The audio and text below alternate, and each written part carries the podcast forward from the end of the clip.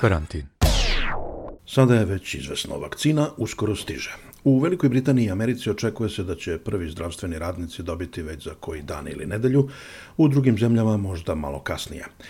Kako će ići globalna distribucija vakcina i da li će nas borba protiv pandemije COVID-19 još jednom podsjetiti na ogromne razlike između bogatog i siromašnog sveta? Da li već sada može da se kaže da je na delu vakcinaški nacionalizam? Ja sam Aleksandar Kocić. Radio Karantin. Neke zemlje, pre svega one bogatije, samostalno su sklapale ugovore sa proizvođačima vakcina i to sa više njih istovremeno, da bi bile sigurne da će dobiti onu vakcinu ili vakcine koje prve budu gotove i pokažu se na testovima kao uspešne. Da ostatak sveta ne bi ostao bez vakcine, pokrenuto je nekoliko globalnih inicijativa za ravnomernu i fair kupovinu i raspodelu vakcine. Najveća takva inicijativa je COVAX, koja zemljama učesnicama omogućava pristup različitim vakcinama i njihovoj distribuciji. Na čelu projekta COVAX su Savez za vakcinaciju Gavi, Koalicija za epidemijsku spremnost i inovacije CEPI i Svetska zdravstvena organizacija sa svojih 194 članica. Sve zemlje bivše Jugoslavije su u COVAXu uz napomenu da Hrvatska i Slovenija ne učestvuju direktno, već preko Evropske unije.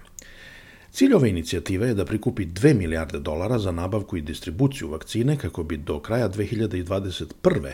bilo raspodeljeno oko 2 milijarde doza, tako da svaka zemlja može da vakciniše jednu petinu svoje populacije i time okonča borovu akutnu fazu pandemije.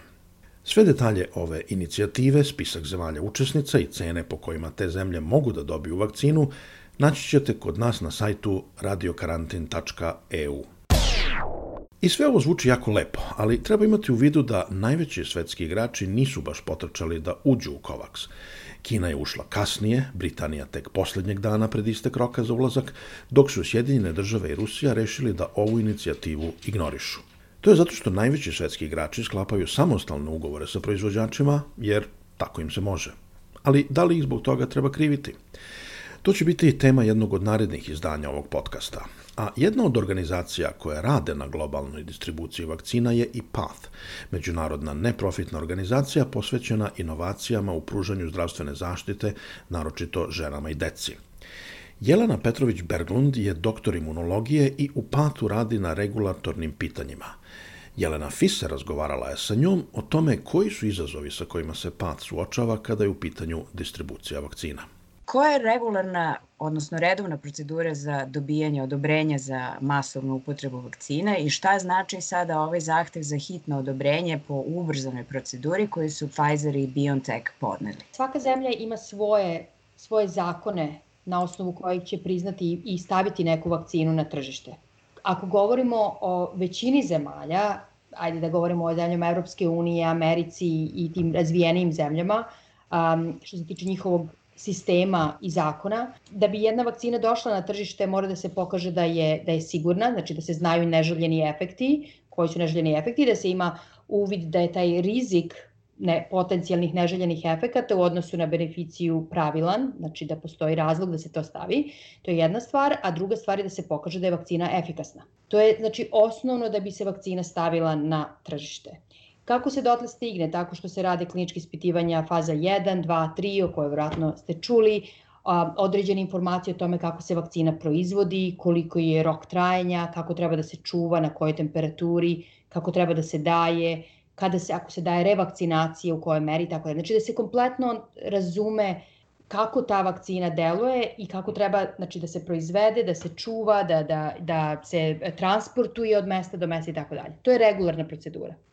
U situacijama kao što je pandemija ili u situacijama kada možda i nemate pandemiju, ali recimo kao što je bio slučaj kod HIV-a u 80. i 70. godinama, ako se uspostavi da je, da je jednostavno postoje određeni kandidati koji idu ka tome da će biti na tržištu, ali zahtev za postojanje vakcine je veći, onda se pogleda ta čitava procedura i odluči se koji delovi te procedure nisu toliko kritični da bi morali da odmah se da se, da se informacije o tome odmah stave na, na, na raspolaganje onome koji, po, koji gleda vaš dosije i koji a, razmatra to, znači ti revieweri koji razmatraju to da li će ta vakcina biti stavljena na tržište ili ne.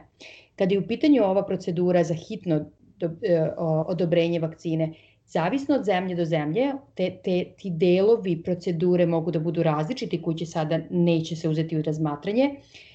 Što se tiče Američkog zdravstvenog ministarstva za izdavanje lekova, oni su održali konferenciju pre par nedelja u kojoj su rekli da svaka vakcina, bez obzira na to da li će ići po standardnoj proceduri ili po ubrzanoj proceduri, mora da za, da, da znači, stekne taj minimum potrebe za tom, tom sigurnošću i za efikasnošću.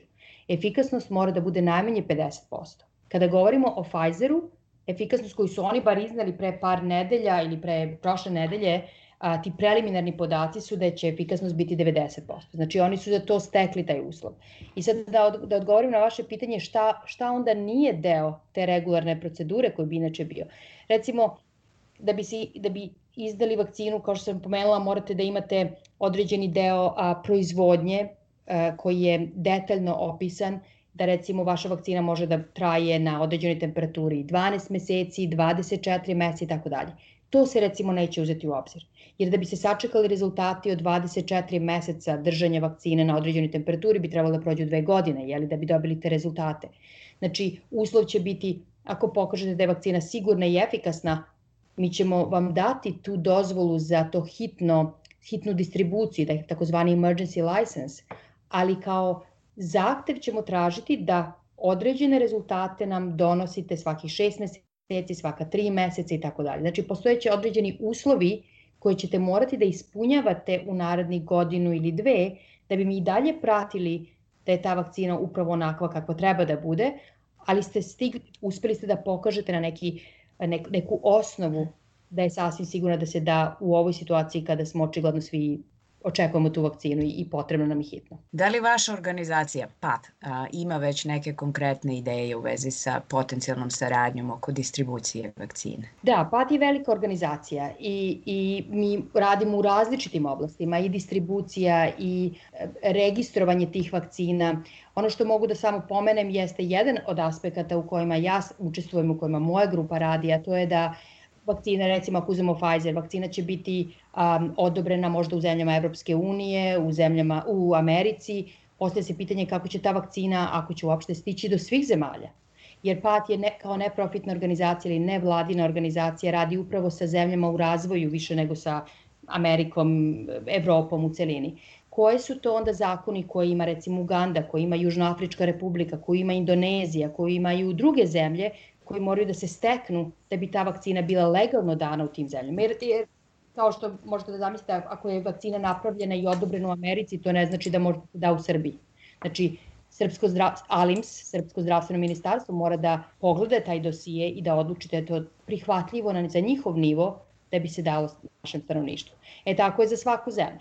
Tako da recimo deo PAT organizacije u kojoj ja radim se upravo bavi time, a to je koje će biti uslovi za, raz, za 92 zemlje sa kojima mi radimo, koji će biti uslovi da se ta vakcina ili vakcine, pošto kao što znate postoje nekoliko vakcina koje su a, blizu te finiša, da kažem, kako će one biti registrovane u tim zemljama i kako će se davati. Kako je po vašem viđenju a, sada, imajući u vidu da je ovo prvo iskustvo pandemijsko u našem sećanju, da a, kako mislite da je moguće sada a, recimo realizovati taj projekat, uslovno rečeno, vakcinisanja nekih, a, kako je procenjeno, 7 milijardi ljudi koji bi trebalo da je prime? Da, ako mislite na da, da li smo išta naučili iz, od ove pandemije što se može primeniti za sledeću pandemiju, ono što se nadam jeste da da će se razviti sistemi i da će se razviti bar u moje oblasti a, regulativa i polisa koji, će, koji omogućavaju da se vakcine pušte na tržište, puste na tržište,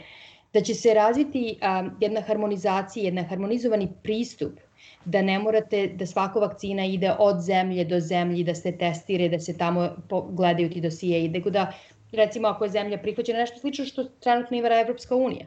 Znači, ako je prihvaćena u Nemačkoj, da vakcina može biti prihvaćena i u drugim zemljama automatski, a ne da ponavljate ili istraživanja ili date to dosije. Tako da, to je ono na čemu Gates i, njego, i, i uh, Gates fondacija radi intenzivno u zadnjih par godina i pre ove pandemije, ali se nadam da posle ovoga zaista neki uh, efekti će biti intenzivirani, ali takođe da će neke, da će države, da će jednostavno vlade, vladine organizacije shvatiti razlog e, i, i, i beneficiju imati upravo takvih sistema u kojima može da se to na jednom svetskom nivou razmatraju i gledaju te rezultati ispitivanja rad, e, pre nego na pojedinačnom nivou svake zemlje. I jel mislite onda da je realno obezbediti tu neku međunarodnu saradnju? kad je distribucija vakcina u pitanju? E, što se distribucije tiče, da, ja se nadam i, i u stvari ta međunarodna saradnja već postoji, ona je već krenula preko, verovatno što znate, preko COVAX-a, koji je deo sastavni, sastavni deo Svetske zdravene, zdravstvene organizacije kao jedna inicijativa a, u kojoj učestvuju različite zemlje, da se upravo obezbedi određeni broj vakcina za zemlje u razvoju. U kojoj meri je to izjednačeno sa zemljama koje su razvijene, sa Amerikom, sa, sa evropskim zemljama, to naravno nije slučaj. Mnoge zemlje, kao što znate, pokušavaju i, i već su uložile ogroman novac da otkupe određeni broj vakcina, čak za neke od vakcine za koje ne znamo da li će ikada stići na tržište, jer svaka zemlja se sada trudi da, da obezbedi za svoje stanovništvo. To naravno stavlja u pitanje koliki broj vakcine će biti dostupan za COVAX ili koji, koji se trudi da obezbedi upravo vakcine za zemlje u razvoju. Uh, upravo izašlo neko izraživanje od sa Duke univerziteta gde se pokazuje recimo da je ne znam Amerika otkupila milijardu vakcina ili ili više od toga. Neke od tih vakcina zahtevaju da dve doze da bi se očekivala potpuni efekat, tako. Dok je COVAX uspeo samo da otkupi a, par miliona, što svakako nije dovoljno za afričko tržište, za, za Južnu Aziju ili bilo šta. Tako da postojeće svakako jedan period u kome će ta, da bude veoma vidljiva ta, ta, ta razlika u, u um, distribuciji vakcina. Ali inicijativa već postoji i ja se nadam da, da, da ta razlika i e, taj dostup vakcinama neće biti toliko dramatičan koliko bi bilo da ne postoje upravo ovakve organizacije kao što je Svetska zdravstvena organizacija, Gavi, COVAX, EPAT je takođe deo te, tih inicijativa gde se ta um, neka jednakost trudi da se, da se, da se stvori. Kada vakcina jednom stigne u zemlju, a, mm. sada svaka država određuje te takozvane prioritete kojih prima. To su ove, najugroženiji a, delovi stanovništva. Koliko su po vašoj oceni ti, kako se određuju pre svega ti pre, prioriteti i koliko su oni um, etičko, a koliko ekonomsko ili političko pitanje? Moje verovanje je da kad se tiče te distribucije u okviru određene zemlje, pre svega to zavisi od svake zem, od zemlje do zemlje, ali verujem da su u pitanju tu etička um, više nego politička. Određeni broj vakcina je dostavljen, znate, našto u zadnji možda deceniju vi imate i čitav taj pokret koji smatra da vakcine su štetne, da vakcine nisu dobre, tako da čak ne mislim da u svim zemljama će ljudi potrčati odmah da prime vakcinu, što s jedne strane je ja kao neko ko se bavi vakcinama svakako se ne slažem sa tim, ali s druge strane kad se što se tiče same distribucije to može sada biti lako u okviru zemlje, naravno to može da bude lakše jer a, neće potražnja možda biti tolika koliko bi trebala da bude. Čvrsto verujem da su u pitanju etički razlozi i distribucija i da će zaista što se tiče covid da se krene u, u one osnovne grupe koji su zaista najugroženije, to su medicinski radnici koji su tome izloženi direktno, osobe starije od, ne znam, 65 godina i tako dalje, osobe sa različitim zdravstvenim problemima, ja ne mislim da će biti, čak ne mislim da se neka od kliničkih ispitivanja uključuju mlađe od 16 godina trenutno, upravo zbog toga što COVID nije prevalentan kod dece, što je zaista dobar slučaj u svemu, svemu ome što se dešava da deca nisu ugrožena, ali samim tim vakcinacija dece svakako neće biti prioritet. Spomenuli ste ovaj antivakserski pokret um, koji je u Srbiji poprilično jak. Jedna od najpopularnijih a, teorija zavere da a, će kroz vakcinu a, Bill Gates zapravo čipovati populaciju to je takođe izraz koji se a, vrti ovih a, zadnjih desetak meseci. Jel možete da nam date neki insajderski komentar na, na ovu teoriju takozvanu? Htela bih da prokomentarišem što se tiče tog odboja i pokreta protiv vakcina i nedavanja vakcina deci i toga. Ja mislim da je tu veliku ulogu igraju i mediji i socijalne sve te platforme na kojima se takve dezinformacije šire, ali jedna velika stvar je da smo mi generacija i, i čak i naši roditelji, a posebno mi i mlađi od nas smo generacije koji u stvari nisu videli te ozbiljne bolesti. ja nikad nisam videla osobu koja ima tetanus i koja je u tetanus šoku recimo. Znači mi zaista ne znamo i dok ne odete nekada u zemlje i to za neke bolesti, ne za sve naravno, u zemlje u razvoju i zaista vidite kako ljudi traže da dobiju vakcinu i da im se i stoje u redu da im se deca vakcinišu jer oni znaju kako to izgleda i kako neke od tih bolesti mogu da budu ozbiljne. Mi smo ipak generacija koja je možda imala zauške, možda i nije, a moje dete svakako je vakcinisano i, i o tim stvarima ne, i ne brinem kao što su zauški ili mizls i slično.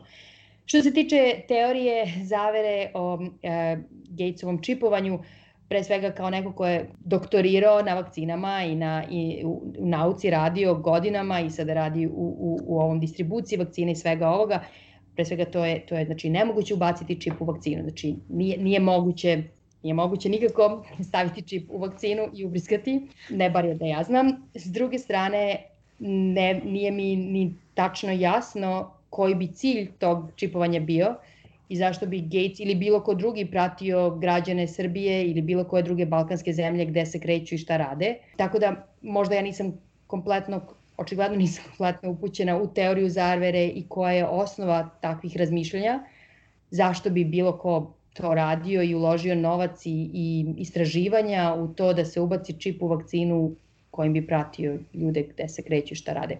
Mislim, mi imamo Facebook i sve ostalo, tako da mislim da svi znamo šta ko radi inače iz bed čipa. Jelena Berglund iz organizacije PATH u razgovoru za Radio Karantin. I kad ste već ovde, mi bi da vas zamolimo za pomoć. Svaka vaša donacija puno nam znači da pokrijemo troškove nabavke, neophodne tehnike, postavljanja podcasta, održavanja sajta i promocije.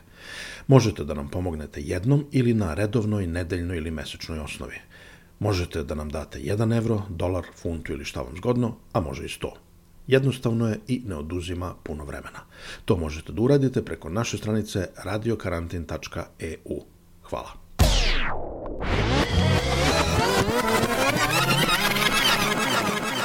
Radio Karantin